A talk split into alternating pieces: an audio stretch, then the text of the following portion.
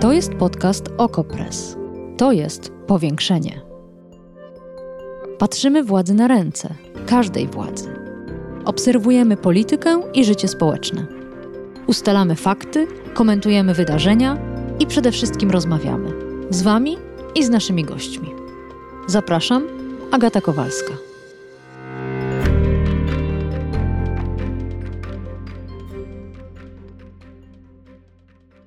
Tyle zabójstw drogowych, tyle ofiar i nic. Mandaty pozostawały na poziomie z lat 90. Piesi uznawani byli za winnych własnej śmierci na pasach, a pędzący kierowcy za święte krowy. Przez lata politykę bezpieczeństwa ruchu drogowego paraliżował imposybilizm władzy. I nagle zmiana. Ku mojemu najszczerszemu zdumieniu okazało się, że Prawo i Sprawiedliwość potrafi nie tylko niszczyć fundamenty państwa prawa, deptać konstytucję i zastraszać niepokornych, potrafi też zmieniać prawo o ruchu drogowym. I to na lepsze prawo. Sama uznaję to za cud i zapraszam na powiększenie.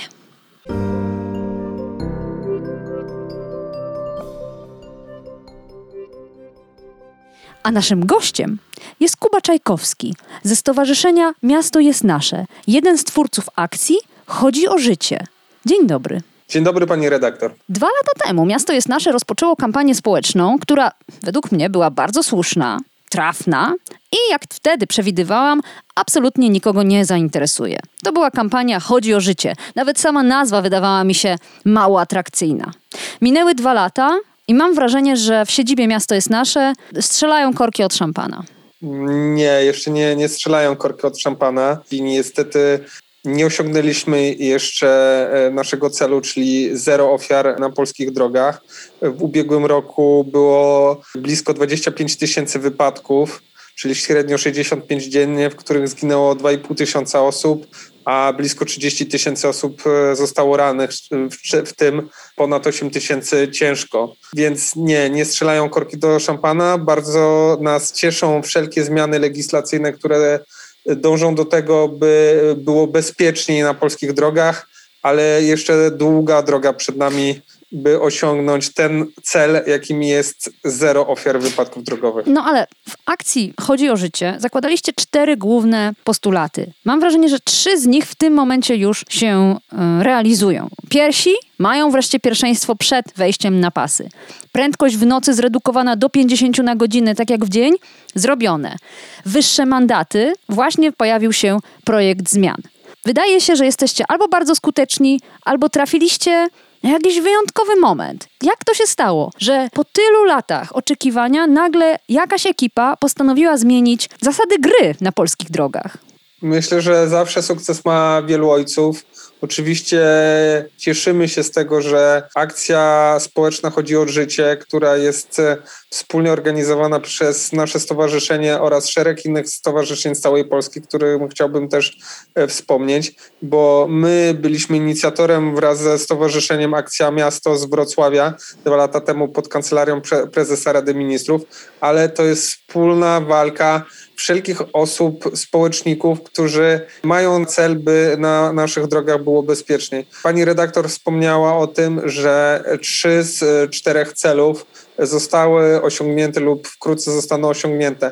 Pragnę przypomnieć, że po e, tragicznym wypadku na ulicy Sokratesa w Warszawie w 2019 premier Morawiecki wspomniał, że bezpieczeństwo ruchu drogowego będzie jednym z priorytetów jego kadencji.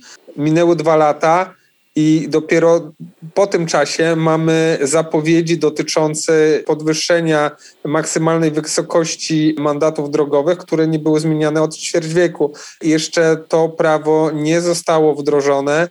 Jeszcze nie mamy podpisu prezydenta, jeszcze długa droga pod względem legislacji, żeby to zostało wdrożone.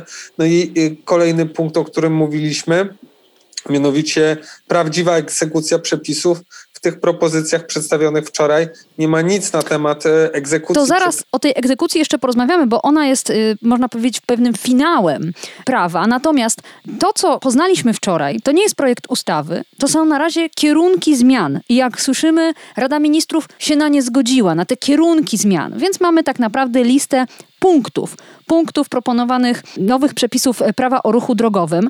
Zacznijmy od tego, co być może zwraca największą uwagę, czyli mandatów. Wy domagaliście się zmiany wysokości maksymalnego mandatu, ponieważ ten utknął na 500 zł od lat 90. Co teraz proponuje Ministerstwo Infrastruktury? Ministerstwo Infrastruktury proponuje e, podwyższenie mandatów e, do 3,5 tysiąca złotych w zwykłym postępowaniu mandatowym oraz e, mandat w wysokości do 5 tysięcy złotych za przekroczenie dopuszczalnej prędkości jazdy o ponad 30 km na godzinę oraz w sytuacji recydywy, żeby kwota mandatów była pomiędzy 3 tysiące a 5 tysięcy złotych. No to jest zdecydowanie odważny i dobry krok ku temu, by mandaty były bardziej dotkliwe, ale tu też mamy naszą uwagę, że mandaty powinny być powiązane z płacą minimalną. Płaca minimalna jest ustanowiona co roku przez Radę Ministrów i dzięki temu można e, to uznać jako czynnik waloryzujący mandaty, żebyśmy znów nie czekali kolejnych 25 lat, że podwyższymy e, mandaty w 2021 i następna podwyżka będzie w 2046. Hmm. Nie, nie ma to sensu. Muszą być mandaty powiązane z płacą minimalną, ale też są głosy takie, by uzależnić e, mandaty od e, dochodów, bo wiadomo, że e, powiedzmy e, bogaty konsultant sportowy znanej stacji telewizyjnej, nawet jeżeli pracuje w Lublinie, to zarabia więcej niż osoba, która na przykład jest na emeryturze i która jeździ Ale starym Matizem. Zaraz, zaraz, bo jeśli zatrzymuje nas policja na drodze, kiedy jechaliśmy 90 w terenie zabudowanym, no to skąd oni mają wiedzieć, ile ten kierowca zarabia? To, nie lepiej, jest rozwiązanie, pani redaktor, mhm. to jest rozwiązanie powszechnie praktykowane w wielu krajach europejskich. Ściąganie tych mandatów, co w wielu krajach e, następuje i co jest dużo bardziej słuszne, jest e, robione przez Krajową Administrację Skarbową. I Krajowa Administracja Skarbowa ma wszelkie do temu narzędzia, by naliczyć taki mandat i biorąc pod uwagę fakt, że już w chwili obecnej mandaty są blankietowe, czyli nie płacimy przecież e, policjantowi, który nas zatrzymuje, tylko dostajemy druczek, który musimy zapłacić w banku lub na poczcie, więc nie zmienia to praktycznie nic, poza tym, że e, e, mandat, który byłby egzekwowany przez Krajową Administrację Skarbową, byłby mandatem, e, który byłby skutecznie egzekwowany. Mm -hmm, mm -hmm. Rozumiem to rozwiązanie, ale nie wiem jednej rzeczy, jak miałaby ta skarbówka ścigać e, wszystkich tych, którzy deklarują, że nie mają dochodów, e, bezrobotnych, trwale bezrobotnych, bez prawa do zasiłku, wszystkich tych, którym udaje się ukrywać nie. dochody, tak jak na przykład alimenciarzom, ta duża grupa... Pani redaktor, pani redaktor, bardzo się cieszę, że pani wspomniała o tym, bo to jest taki piękny chochoł, który jest wykorzystywany głównie przez zmotoryzowanych, którzy są przeciwni podwyżce mandatom i powiązaniem ich z dochodami. Jeżeli ktoś oczywiście unika wykazywania jakich dochodów, to jest źródłem zainteresowania Krajowej Administracji Skarbowej, ale w każdym państwie, w którym to funkcjonuje, jest y, taka bardzo prosta zasada, nie mniej niż. Czyli chodzi o to, żebyśmy mieli sytuację tak jak obecnie, że wystawiamy mandat w danej kwocie, czyli nie mniej niż 1500 zł, nie mniej niż 3500 zł, nie mniej niż 5000 zł, lub więcej, jeżeli Jasne. administracja skarbowa jest w stanie na podstawie powszechnego, bo obowiązek podatkowy w Polsce jest powszechny, po prostu tę kwotę wyliczyć. I to nie jest problem, bo nie możemy budować prawa, e, biorąc pod uwagę fakt, że jakiś ułamek społeczeństwa zachowuje się w sposób niezgodny z prawem mhm. i uzasadniać łamanie innych przepisów, między innymi przepisów drogowych, tym, że ktoś nie respektuje przepisów podatkowych. Jasne, to jest... tu jest jeszcze jeden paradoks, na który zwróciłam teraz sama uwagę, że opisałam Państwu sytuację, w której osoba bezrobotna, bez dochodów, deklarująca się jako zupełnie uboga, podróżuje bez problemu i to bardzo szybko autem, czyli na auto, jego naprawę i benzynę ją stać, ale na mandat już nie. Ta logika rzeczywiście mnie samą oszołomiła a więc wycofuję pytanie. Powiedzmy, że mnie pan przekonał. Jest... Ale, ale pani redaktor, to było bardzo dobre pytanie, bo mówię, ten chochoł często się, szczególnie w internecie, na różnych mediach społecznościowych pojawia, że używany jest jako właściwy argument. Jest to jednak argument całkowicie chybiony i fałszywy, bowiem jeżeli ktoś unika opodatkowania swoich dochodów, już jest w chwili obecnej źródłem zainteresowania administracji skarbowej. Jest jeszcze jedna zmiana dotycząca kar finansowych, dotyczy grzywien, czyli już tych mm, kar nakładanych w drodze sądowej. Czy tutaj tak. na coś ważnego chcielibyście zwrócić uwagę? Grzywna ma być podwyższona z 5 tysięcy złotych do 30 tysięcy złotych w przypadku wykroczeń drogowych. My chcielibyśmy zwrócić uwagę na fakt, o którym już wspominałem wcześniej, wspominaliśmy wielokrotnie. Co z tego, że mamy wysokie grzywne, jak według Najwyższej Izby Kontroli mamy blisko 60% niewyegzek... Aj, widzi pan. Ha! Nie da się ich ściągnąć.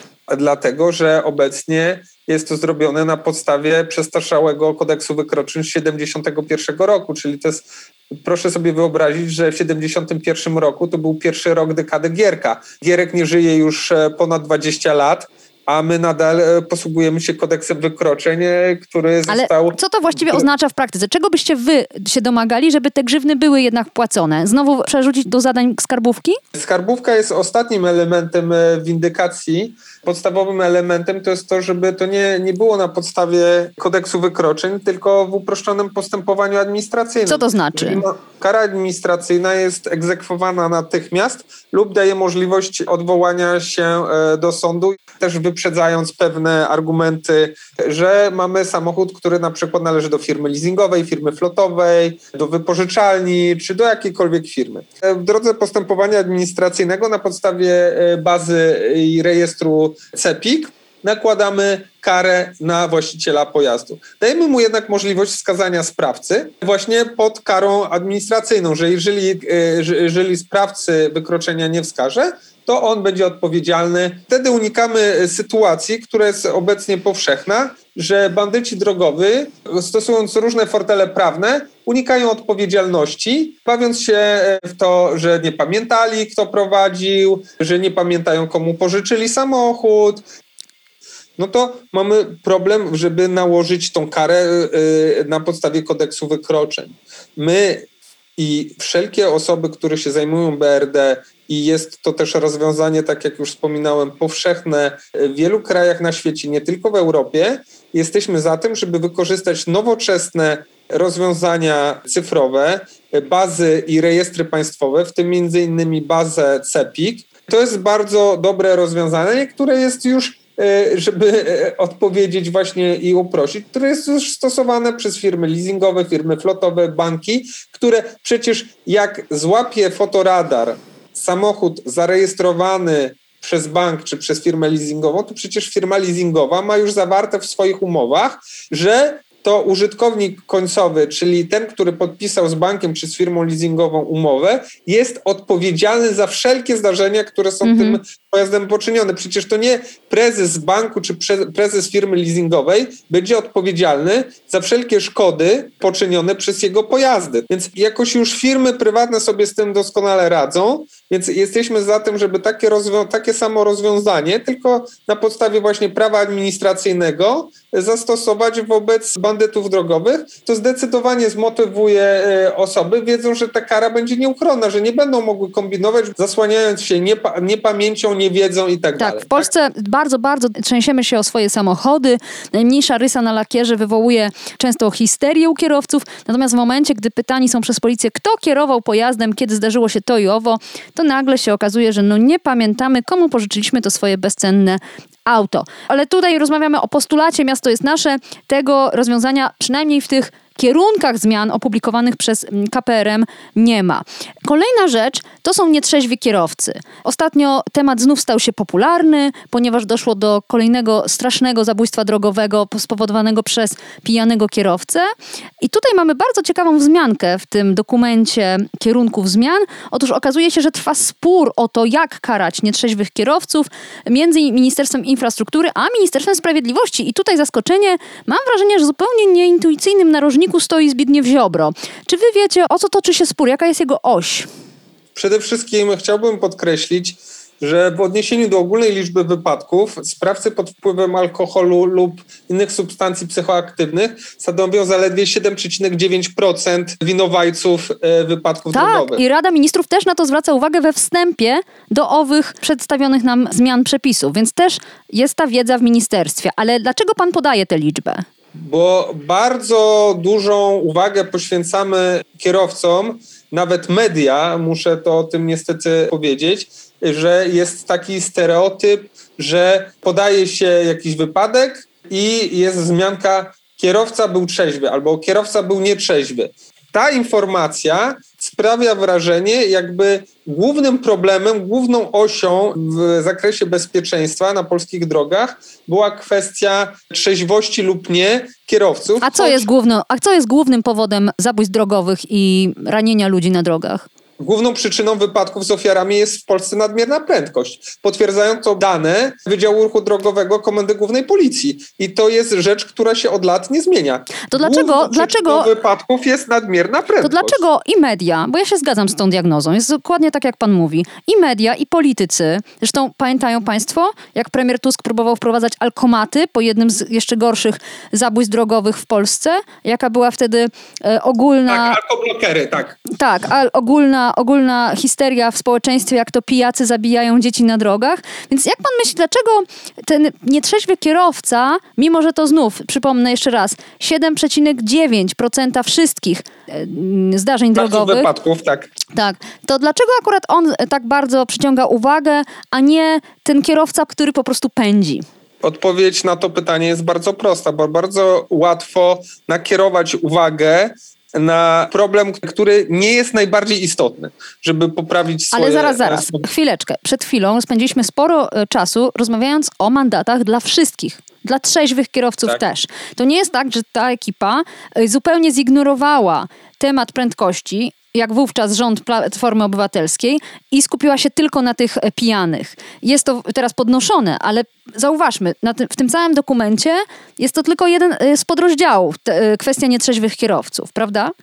Mhm. No więc pan mówi o tym, że, że to jest mniej istotne, ale jednak kierowca nietrzeźwy za kierownicą jest, wydaje się, jeszcze bardziej niebezpieczny niż trzeźwy, który przekracza prędkość. Nie zgodzę się z panią redaktor z tą diagnozą wszelkie badania na przykład Krajowej Rady Bezpieczeństwa Ruchu Drogowego i inne e, badania prowadzone przez e, WRD wskazują jednoznacznie, że to oczywiście jest bardzo źle, jeżeli ktoś jest pod wpływem alkoholu czy innych substancji psychoaktywnych, Niemniej jednak główną przyczyną wypadków, w którym są ofiary śmiertelne i ciężko ranne, czyli te najbardziej drastyczne i te, które najbardziej niszczą tkankę społeczną, e, niszczą rodziny, ni, ni, dzieci, to są właśnie sytuacje, w której główną przyczyną jest tak zwane niedostosowanie prędkości, mm. czyli nadmierna prędkość. Dobrze, ale to w takim razie, czy to oznacza, że Zbigniew Ziobro, tak samo jak miasto jest nasze, uważa, że nie należy zbyt ostro, czy ostrzej niż pozostałych, karać kierowców nietrzeźwych i stąd ten spór powodujący, że e, wciąż nie, nie mamy większych szczegółów dotyczących tej części zmian w prawie o ruchu drogowym? Nie wiem, jakie jest stanowisko e, ministra sprawiedliwości w tej kwestii. Niemniej jednak my jesteśmy za tym, żeby bardziej zaakcentować fakt, że potrzebujemy bezpieczniejszej e, jazdy, a bezpieczniejsza jazda to jest jazda, która jest zgodnie z ograniczeniami prędkości, które tak jak pani redaktor doskonale wie, bo interesuje się tematem BRD nie od dziś, nie zostały wymyślone arbitralnie, tylko wynikają po prostu z fizyki. I dlatego my e, w tej e, e, naszej kampanii chodzi o życie. Wielokrotnie mówiliśmy o tym, że trzeba się wreszcie zająć problemem prędkości. Prędkość zabija. Ale zgodzi się pan, że kierowca rani, prędkość kaleczy, prędkość osieraca. Tak? Okej, okay, ale kierowca pędząc, ale będąc trzeźwym, ma większe szanse na reakcję, na przykład zobaczyć pieszego i skręci kierownicą, a nie trzeźwy już tego ruchu nie wykona. Zgadzam się z całej rozciągłości i tak jak mówiłem, podkreślam, że stosowanie substancji psychoaktywnych i w tym między innymi alkoholu, za e, kółkiem jest czynem haniebnym i e, w ogóle niedopuszczalnym. Tylko, że skupianie się wyłącznie tak. na tym jest, to mija się z celem. Tak, i tutaj pełna nawet... zgoda, tutaj, tutaj rzeczywiście y, pełna zgoda, bo y, odwraca uwagę od głównego problemu. Tak. Y, kolejna rzecz, jestem absolutnie zaskoczona, to jest kwestia punktów karnych. Po pierwsze, mają być kasowane dopiero po dwóch latach, a nie po roku jak dotychczas. Na dodatek kierowca będzie mógł dostać nawet 15 punktów karnych za jeden czyn i zniesiono szkolenia, mają być zniesione szkolenia, po odbyciu których do tej pory można było redukować liczbę punktów karnych i utrzymywać te, to prawo jazdy w mocy. No chyba już do tego nie macie zarzutów. Nie, jest to bardzo dobra no, decyzja. Te nareszcie. szkolenia w większości wypadków były fikcją. Tak. Były to e, wielokrotnie reklamowane jako intensywne e, kursy odzyskiwania, e, odzyskiwania e, punktów było, stworzyło to szereg patologii. Nie wiem, czy jest to celem naszego programu, żeby o nich mówić. Nie, nie, ale bardziej chodziło mi o to, żeby odnotować, że nawet to zniesienie tych szkoleń się tutaj znalazło na tej liście, więc ktoś tam odrobił pracę dobową w Ministerstwie Infrastruktury i chwała mu za to. Oczywiście teraz pytanie, czy ten przepis przetrwa ścieżkę legislacyjną. Kolejna rzecz, renta ma być wypłacana bliskim ofiary i na dodatek ma być przyznawana z urzędu. Nie będzie trzeba o to wnioskować, nie będzie trzeba się o to wykłócać, ma być to zasądzane przez sąd. Dobry pomysł? Jeżeli podmiotem, który ma wypłacać rentę, jest towarzystwo ubezpieczeniowe lub urzędowy fundusz gwarancyjny, mamy pewność, że ten podmiot zawsze będzie miał pieniądze. To jest działalność regulowana, nadzorowana przez KNF. Towarzystwo y, ubezpieczeniowe daje większą rękojmię tego, że będzie długotrwale wypłacać rentę niż jakikolwiek obywatel, czy nazywa się Kowalski, Czajkowski czy tak, Nowak. Tu jest tak? pełna zgoda. Kolejna sprawa to czasowe niedopuszczenie pojazdu do ruchu. I ten mechanizm już teraz funkcjonuje, ale z zupełnie innych powodów. Można unieruchomić swój pojazd po to choćby, żeby nie płacić właśnie składek na ubezpieczenie. Oddaje się wtedy do depozytu tablice rejestracyjne, dowód rejestracyjny i samochód sobie stoi czeka na lepsze czasy. Tym razem Ministerstwo Infrastruktury chciałoby, żeby to było narzędzie służące do walki z osobami prowadzącymi bez prawa jazdy, bez uprawnień. Znów, dobry pomysł? Bardzo dobry pomysł. Ostatni wypadek, e, który stał się bardzo medialny podstalową wolą, był właśnie dziełem kierowcy, który był pozbawiony uprawnień do prowadzenia, więc pojazd bardzo często u bandytów drogowych jest narzędziem zbrodni. Tak jak zabieramy broń osobom, które są niebezpieczne, trzeba też traktować w taki sam sposób pojazdy potencjalnych bandytów. Ale drogowych. zaraz, zaraz, zaraz. To nie jest takie proste. Proszę mnie poprawić. Jeśli chciałabym zarejestrować samochód, to czy nie jest tak, że muszę okazać również prawo jazdy? Czy też osoba nieposiadająca prawa jazdy może spokojnie w Polsce być właścicielem samochodu i, i wpisana być do jego dowodu rejestracyjnego? Polskie przepisy prawa nie stanowią o tym, że trzeba się e, legitymować e, prawem do prowadzenia pojazdów jakiegokolwiek kategorii, by hmm. dany pojazd zarejestrować. E, może pani Naprawdę? Jako, jako osoba prywatna czy jako spółka być właścicielem autobusu, czołgu i tak dalej, bo kwestia posiadania danego pojazdu w ogóle się nie wiąże z kwestią jego użytkowania. Rozumiem, Może... czyli mogę mieć autobus, mimo że nie mam prawa jazdy pozwalającego mi na prowadzenie tego autobusu. Dokładnie tak. Jedyne co weryfikuje, po prostu czy y, w sposób y, legalny nabyła Pani tak, ten rozumiem. pojazd, czy opłaciła Pani odpowiednie podatki i jeżeli wszystko się zgadza, no to po prostu Pani figuruje w cepiku jako no dobrze. Właściciel lub współwłaściciel danego dobrze, pojazdu. ale to uznajmy jednak, że właścicielką pojazdu jestem ja, a prowadził go ktoś, kto nie miał prawa jazdy i teraz ten pojazd ja tracę i on mi jest zabierany na trzy miesiące? E, e, pani, pa, pani redaktor, uważam, że jest to i tak bardzo mała kara za e, swoją nieroztropność. Musi, e, muszą być właściciele pojazdów roztropni w tym, e, komu pożyczają swoje samochody. To jest jeszcze jedna rzecz, która mnie ciekawi. W ogóle sama koncepcja zabierania samochodu, czy też właśnie go unieruchomiania na jakiś czas, tutaj jest wykorzystana tylko w tym jednym przypadku. Jeśli kierowała osoba bez uprawnień, nie ma o tym mowy, kiedy mamy na przykład recydywistę pędzącego bez opamiętania, albo właśnie recydywistę, który jest nietrzeźwy za kierownicą. Ten samochód jest tracony tylko w przypadku tej y, osoby bez uprawnień. Dlatego też, że zazwyczaj te e, przykłady, które pani bardzo dobrze, pani redaktor podała, e, skutkują tym, że osobom tym się odbiera uprawnienia. Recydywistom, bandytom Osobom, drogowym. które przekroczyły prędkość, odbiera się prawo jazdy? W Polsce? Obecnie e, powyżej 50 km na godzinę no odbiera się uprawnienia. Ale no ja rozumiem, ale ja mówimy, mówimy o tych. Sam pan przed chwilą wyliczał, jak niebezpieczne jest przekroczenie prędkości o 20 km dla, um, dla człowieka. A, tak, a, ale to... Zgadzam się. Jest to niebezpieczne, tylko chciałem powiedzieć, że jeżeli tworzymy le legislację, to pewne y, zbiory y, wykroczeń i przestępstw y, skutkują pewnymi konsekwencjami, w tym między innymi odebranie prawa jazdy. I biorąc pod uwagę logikę legislacji, to musimy uwzględnić fakt, że biorąc pod uwagę przepisy i kierunek, tak jak pani świetnie mhm. wspomniała, w którym e, dąży obecnie rząd e, Mateusza Morawieckiego, będzie więcej odebranych praw jazdy i to jest bardzo do, dobry kierunek. Więc jeżeli będzie więcej odebranych praw jazdy, to nie musimy tworzyć kolejnego powodu, dla którego by można było doprowadzić do konfiskaty pojazdu, tylko taką po prostu, że odbieramy potencjalne narzędzie zbrodni osobom, które nie mają uprawnień. Teraz czekamy już na projekt. Mam nadzieję, że on się szybko pojawi, że będzie mm, poddany konsultacjom społecznym. A ja tymczasem dziękuję naszemu gościowi. Kuba Czajkowski ze Stowarzyszenia Miasto jest Nasze, jeden z inicjatorów akcji społecznej Chodzi o Życie. Dziękuję za spotkanie. Powiększenie. Podcast Okopres. Prowadzenie Agata Kowalska. Podcast znajdziesz na stronie Okopres i w Twojej ulubionej aplikacji do podcastów. Redakcja Okopres działa od 2016 roku. Jesteśmy obywatelskim narzędziem kontroli władzy, obecnej i każdej następnej. Okopres utrzymuje się z Waszych darowizn.